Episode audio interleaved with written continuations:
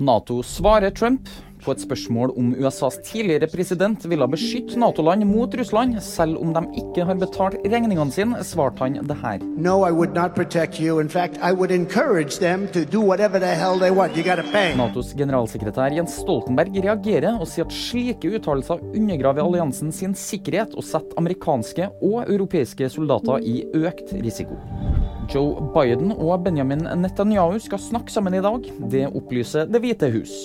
Kilden opplyser til nyhetsbyrået Reuters at samtalen mellom USAs president og Israels statsminister i hovedsak skal dreie seg om gislene på Gazastripa. Og Funkygine slår tilbake. Søndag morgen kryssa hun målstreken i Femundløpet etter 450 km med hundekjøring.